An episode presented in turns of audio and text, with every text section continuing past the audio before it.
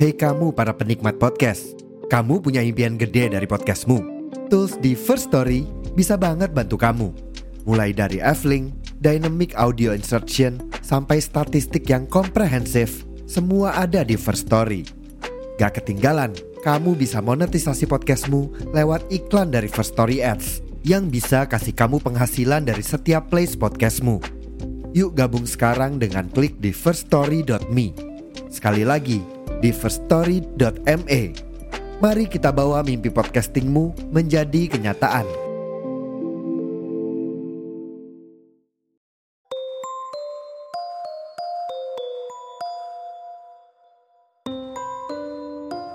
Halo, selamat datang di podcast Komik Indo. Di bulan Oktober ini, walaupun udah masuk pertengahan ya, tapi gue mau mulai lagi ngebahas salah satu genre komik kesukaan gue, yaitu horor. Ya, soalnya bulan Oktober kan identiknya sama Halloween dan horor-hororan ya. Dan gue mau mengawali pembahasan komik horor ini dengan sebuah komik yang berjudul Shivers, karya komikus-komikus Reon.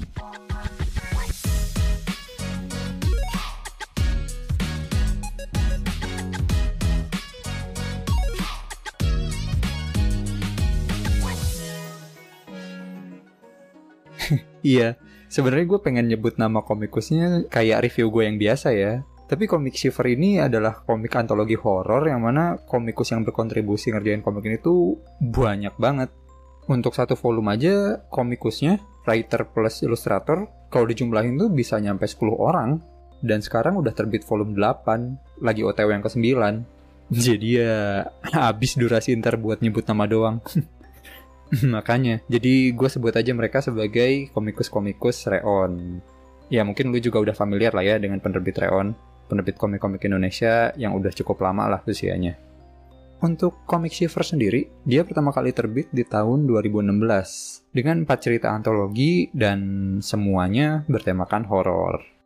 Untuk jumlah ceritanya, di tiap volume komik ini tuh beragam ya, ada yang 4, 5, 6, dan paling banyak sih sejauh ini sampai 8 cerita ya untuk satu volume. Jadi emang jumlahnya itu tergantung dari panjang cerita-cerita yang ada di komik ini. Untuk horornya sendiri, komik ini tuh nggak terbatas ke satu genre horor spesifik aja ya. Jadi di komik ini tuh ada macam-macam kayak horror thriller, horror action, horror body, horror fantasi, horror kosmik. Ya beragam banget lah. Untuk ratingnya sendiri, komik ini dikasih rating dewasa. Oh ya, yeah, selain terbit secara cetak, komik ini juga terbit secara digital. Kalau dulu dia terbit di platform komik Komiko, tapi sekarang Shivers bisa dibaca juga di platform komik Webtoon buat yang bahasa Indonesia. Dan yang bahasa Inggrisnya bisa dibaca di INKR. Perbedaannya sama yang cetak ya paling seperti biasa ya. Format turn page dan scroll down sama yang cetak itu grayscale dan yang format webtoon itu berwarna. Sebenarnya gue tuh tiap review komik antologi suka bingung tahu buat nge-reviewnya gimana. Soalnya kan ceritanya ada banyak ya, terus karakter dan universe-nya juga bisa jadi nggak sama. Nah, apalagi untuk komik Shivers ini. Di komik ini kan komikus yang ngerjainnya beda-beda. Jadi kayaknya ini bakalan jadi review paling generik deh yang pernah gue lakuin. Soalnya kalau komik antologi yang tipenya omnibus kan gue masih bisa komentar lebih ya. Atau kalau emang beda sama sekali di tiap ceritanya, biasanya gue masih suka nyari tuh persamaan antara cerita atau benang merahnya lah. Ya, siapa pun itu yang berkarya, gue rasa sih sadar nggak sadar dia bakalan ninggalin signature atau ciri khasnya dia lah di karya-karyanya sendiri. Nah ini kan komikus yang ngerjainnya aja udah beda ya. Jadi rada sulit. Tapi gue masih tetap mau bahas komik ini. Soalnya mau gimana juga, ini komik tetap konsisten dari 2016 sampai akhir 2023 sekarang masih terus ngeluarin volume baru. Dan gue pun masih tetap tertarik untuk beli soalnya. Oke, secara garis besar, kalau review ini dirangkum tuh jadinya gini. Cerita, various atau bermacam-macam, universe juga bermacam-macam, dan karakter juga bermacam-macam. ya, untuk ceritanya ragamnya banyak banget ya, mulai dari halaman aja. Ada yang pendek, ada yang panjang juga. Gua pribadi sih lebih suka yang panjang ya, soalnya ngasih setup jadi ceritanya juga kan lebih enak Dan ada beberapa cerita yang ngasih plot twist juga lebih enak buat yang panjang sih. Eh, tapi bukan berarti cerita yang pendek kalah pamor. Ada kok di beberapa volume, justru gue ngerasa cerita yang pendeknya itu lebih catchy dibanding yang panjang. Untuk karakternya juga sangat bervariasi. Ada yang tanpa pengenalan sama sekali, ada yang cukup banyak dikasih background, bahkan ada yang sampai dapat development juga. Cuma kayaknya emang nggak bisa ngarepin karakter yang terlalu bold atau ngebuat kita invest ke karakternya sih. Soalnya cerita-ceritanya juga kan one shot, jadi karakternya juga udah pasti bakalan beda buat cerita yang lain gitu. Untuk universe-nya juga beragam ya menurut gua, walaupun rata-rata sih ngambil dari dunia nyata. Ya ada penambahan di sana sini lah, ditambahin banyak kasus kriminal, kekuatan supernatural, ya pokoknya yang ngebuat ceritanya fit in aja.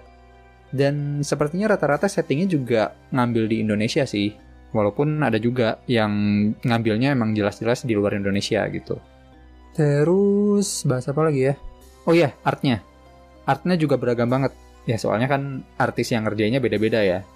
Sebenarnya ada juga style yang cenderung rada Eropa atau Barat gitu, tapi kayaknya emang kebanyakan gambarnya tuh familiar buat orang-orang yang biasa baca komik Asia, kayak Jepang atau Korea gitu. Terus juga fear factor di komik ini juga macam-macam ya. Nggak melulu harus makhluk yang seharusnya tak kasat mata, tapi ada juga yang lain. Ya, kayak psikopat, monster, ya pokoknya beragam banget lah. Jadi, menurut penilaian gue, komik ini tuh komik yang secara pribadi gue suka, tapi mungkin tidak untuk semua kalangan. Sebenarnya gue pengen bilang, karena ratingnya dewasa jadi nggak buat semua kalangan. Tapi enggak sih. Gue rasa di komik ini tuh walaupun ada hal-hal yang cukup eksplisit dan disturbing, tapi tidak krusial itulah buat jadi nggak bisa dibaca sama kalangan yang lebih muda, remaja misalnya. Toh komik ini masuk ke platform webtoon juga, yang di mana rata-rata pembacanya remaja kan. Cuma gue ngerasa mungkin komik ini tidak begitu cocok kalau lo expect-nya cerita panjang yang berkelanjutan. Nah, tapi kalau lu suka sama cerita-cerita horror one shot, gue rekomendasiin lu untuk baca komik ini. Apalagi lu suka ngegaca. Maksudnya karena dari cerita, gambar dan semuanya itu macam-macam banget, jadi lu tidak bisa bener-bener tahu dan pasang ekspektasi bakalan dapat apa di cerita berikutnya gitu. Dan buat gue pun, justru ketidakpastian ini yang paling gue suka dari komik Shivers gitu. Bukan berarti gue suka berjudi, tidak ya. Cuma gue tuh jadi menantikan kira-kira dapat cerita apa lagi ya nanti itu. Tapi walaupun ada ketidakpastian, setidaknya setidaknya nih cerita yang terbit di komik ini tuh udah melalui kurasi dan melalui proses editing dari tim Reon. Jadi ada standar minimalnya lah. Lu nggak bakalan dapet chapter yang busuk-busuk banget gitu. Iya, kalau misal ibarat podcast ya, mungkin mirip kayak podcastnya Mr. Popo kali ya, yang Do You See What I See itu kan dari sisi cerita sama yang nyerita juga beda-beda banget ya. Tapi tetap aja ada tim kurator yang mastiin cerita yang dipublish itu tidak di bawah standar yang udah mereka set. Dan rasa-rasanya komik ini juga ada kemiripan, sama-sama cocok buat jadi asupan horor harian lah. Iya, buat jadi bacaan cerita-cerita pendek di sela-sela menghadapi horornya hidup ya kan. oh iya, untuk Silver sendiri, saat ini volume 9-nya lagi open PO sampai tanggal 24 Oktober 2023. Jadi kalau lu tertarik bisa langsung PO aja dan karena ini komik antologi kayak yang gue bilang tadi, mau lu bacanya langsung dari volume 9 juga nggak apa-apa.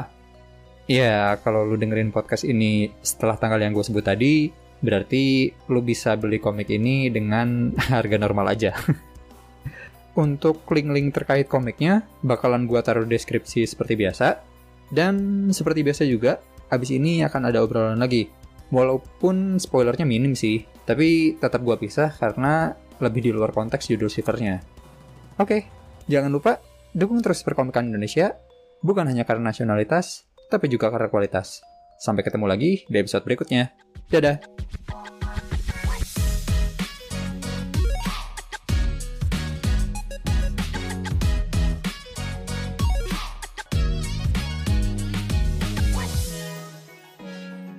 Oke, okay, side notes.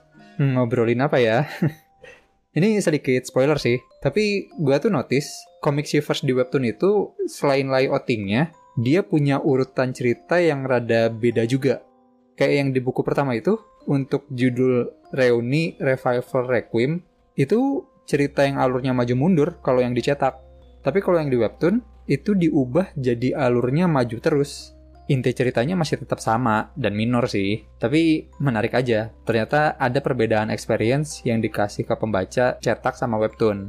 Ini khusus yang di webtoon aja ya. Soalnya yang INKR urutannya masih sama kayak cetak setahu gue. Oh iya, di side touch ini gue lebih pengen ngomongin konsep yang diusung Shiver sih. Gue senang sebenarnya karena konsep ini tuh gue ngelihatnya jadi kayak tempat eksperimen atau debut komikus-komikus gitu. Ya, entah ya, mungkin gue aja yang rada kuper tapi selalu ada aja gitu nama komikus yang wah, gue baru tahu nih Ya, walaupun ada beberapa nama baru, tapi kayaknya selalu ada nama komikus senior atau yang well known lah, yang ikutan kontribusi di tiap volumenya. Dan kadang juga gue jadinya nantiin gitu. Komikus yang gue taunya bukan bikin komik horor, tiba-tiba ngebikin horor di Shivers gitu. Kayak Mas Suryo, almarhum Mas Andik, Mas Okto. Ya, menarik aja buat gue. Kayaknya kata-kata semua akan horor pada waktunya tuh berlaku juga di komik ya. Oh ya, tadi kan gue ngomong walaupun rating komik ini dewasa, tapi nggak terlalu eksplisit ya. Nah, cuma gue sih ngarepnya rating komik ini tetap dewasa. Ya, setidaknya kalau tetap dewasa, komikus yang nanti kontribusi di Shivers kan jadi nggak terlalu terbatasi ya. Walaupun tetap ada pagar-pagarnya, tapi eksplornya bisa jadi lebih bebas lah. Terus, gue juga mau ngomongin terkait penerbitnya sih. Tapi boleh nggak ya? Ya ini sebenarnya kekhawatiran berlebihan gue aja sih. Tadinya gue tuh cukup khawatir pas Reon berhenti ngeluarin komik kompilasinya yang reguler. Ya, you know lah, penerbitan komik Indonesia beberapa tahun belakangan ini. Cuma, ngeliat Reon masih tetap ngeluarin komik kayak Shivers, walaupun rentang waktu terbitnya lumayan jauh, gue jadi masih bisa berharap akan tetap panjang jauh ke depannya sih. Ya, setahu gue juga beberapa judul komik Reon udah ada yang dialih bahasakan dan kerjasama dengan penerbit luar juga kan. Terus juga mereka kerjasama dengan game online dan brand-brand lain. Ya, semoga aja lini bisnis komik dan non-komiknya makin lancar lah ya. Dan semoga ke depannya juga bisa memfasilitasi lagi komikus-komikus dalam negeri buat nerbitin lebih banyak judul lagi.